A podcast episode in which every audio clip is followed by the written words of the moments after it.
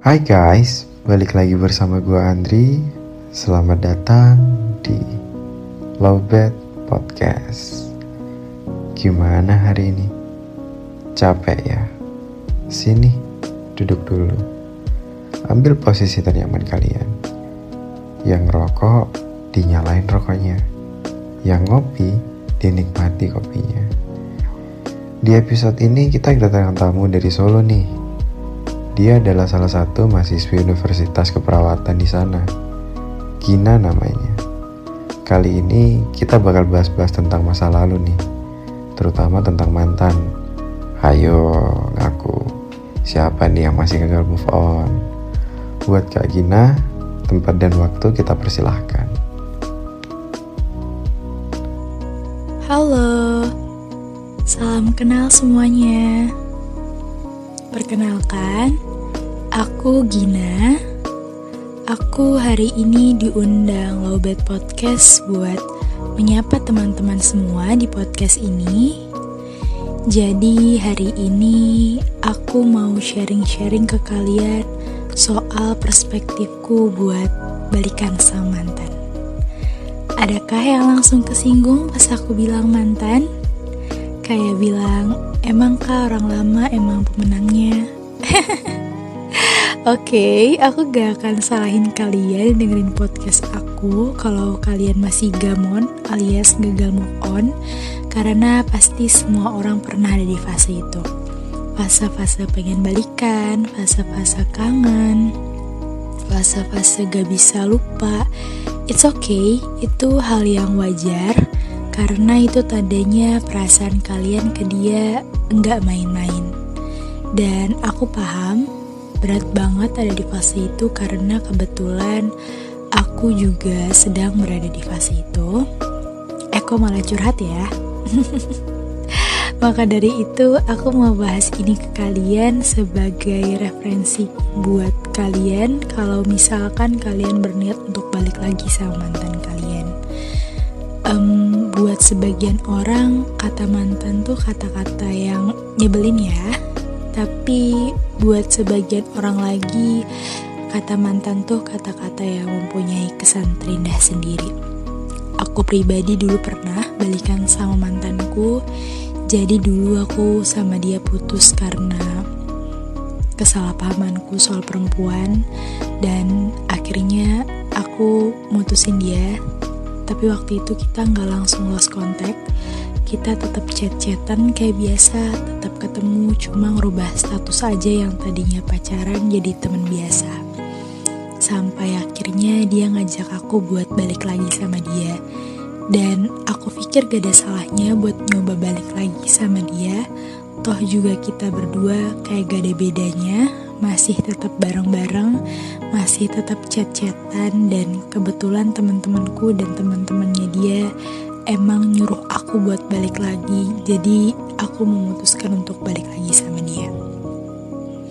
Selama kita jalin hubungan lagi dia jadi orang yang berbeda jadi lebih pengertian jadi lebih kelihatan sayang banget sama aku dan aku waktu itu cukup happy karena aku berpikir keputusanku gak salah buat balik lagi sama dia Sampai suatu hari ada perempuan ngubungin aku dan bilang ke aku kalau si mantanku ini ngejalanin hubungan juga sama dia.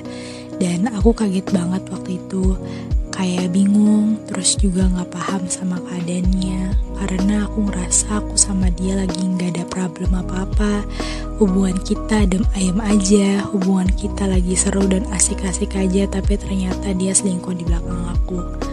Aku ya waktu itu bingung, nyoba nanya sama dia ini sebenarnya tuh ada apa ini tuh kenapa hmm, di situ dia cuma nangis minta maaf dan bilang ke aku kalau dia hilaf ngelakuin itu semua padahal problem ini gak cuma terjadi sekali dua kali dan waktu itu aku udah ngerasa kecewa banget sama dia karena kelakuan dia yang kayak gitu Akhirnya aku sepakat sama dia buat udahin hubungan ini.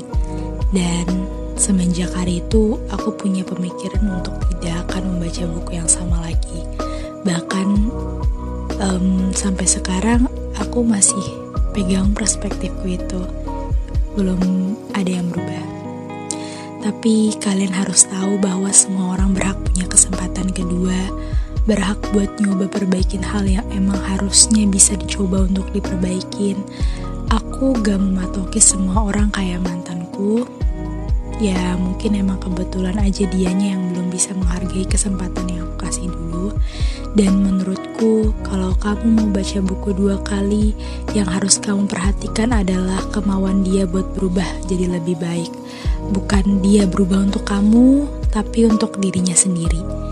Jangan pernah mengharapkan seseorang itu berubah hanya untuk kamu, karena itu gak akan mungkin bisa terjadi. Kalaupun itu bisa, gak akan bertahan lama.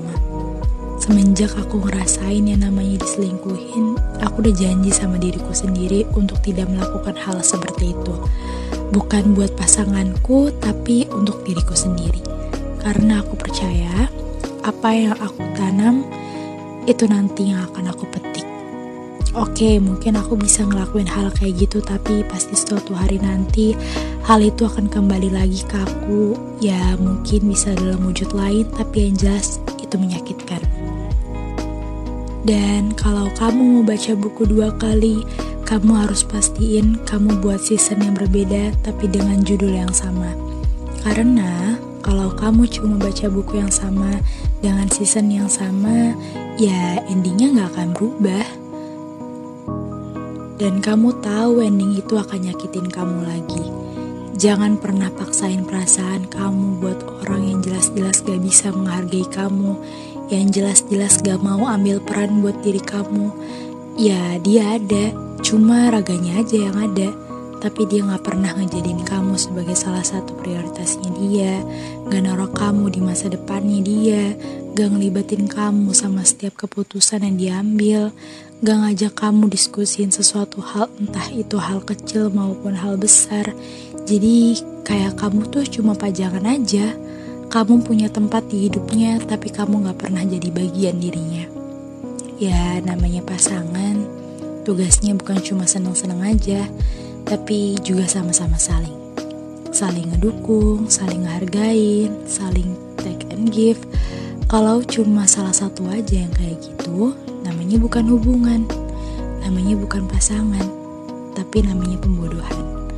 Ya, kamu ngapain ngerelain semua hal itu cuma buat orang yang dia aja gak pernah naruh kamu jadi salah satu bagian penting di hidupnya. Makin dewasa, kamu udah harus paham sama value yang kamu punya orang yang seperti apa yang kamu butuhkan, orang yang kayak gimana yang seenggaknya sama dia kamu bisa dihargai.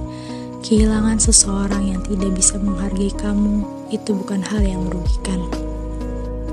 Dan sekarang aku paham, semakin dewasa kita sebenarnya bukan butuh seorang pacar, tapi butuh seseorang yang sama dia kita bisa dihargai, kita bisa jadi diri kita sendiri, sama dia hidup ngerasa jauh lebih mudah dan menyenangkan, dan sama dia kita punya sepasang telinga dan badan lain karena dia tahu kita akan datang ke dia mungkin untuk sekedar meminta peluk dan menangis seharian. Kamu yang tahu kamu orang yang seperti apa, kamu yang tahu mau kamu gimana, kalau kamu mau baca buku untuk mengulangi kebodohan yang sama dan mengulangi hal yang sebenarnya dia gak pernah mau berubah walaupun udah kamu diskusikan berkali-kali dan gak ada hasil, ya udahin, udahin perasaan kamu. Dan kalaupun pada akhirnya dia benar-benar mau perbaiki dan mau berubah untuk dirinya sendiri, ya gak ada salahnya untuk memberikan kesempatan kedua untuk buat buku baru dengan judul yang sama tapi beda season. Seenggaknya, kamu dan dia bisa bikin ending yang indah di season kedua itu. Ingat ya, hal itu berlaku jika benar-benar diperbaiki, bukan hanya sekedar kembali karena perasaan sayangnya belum habis. Karena yang harus kamu tahu, sayang itu enggak nyakitin kamu. Gimana menurut kalian cerita dari Kak Gina? Jadi pengen balikan sama mantan atau bahkan malah makin muak.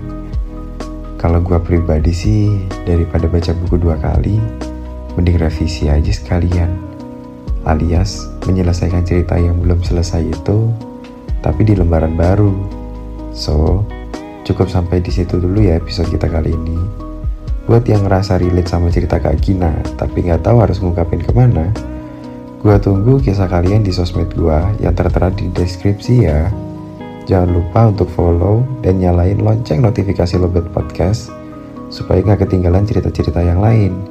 Gua Andri pamit undur diri.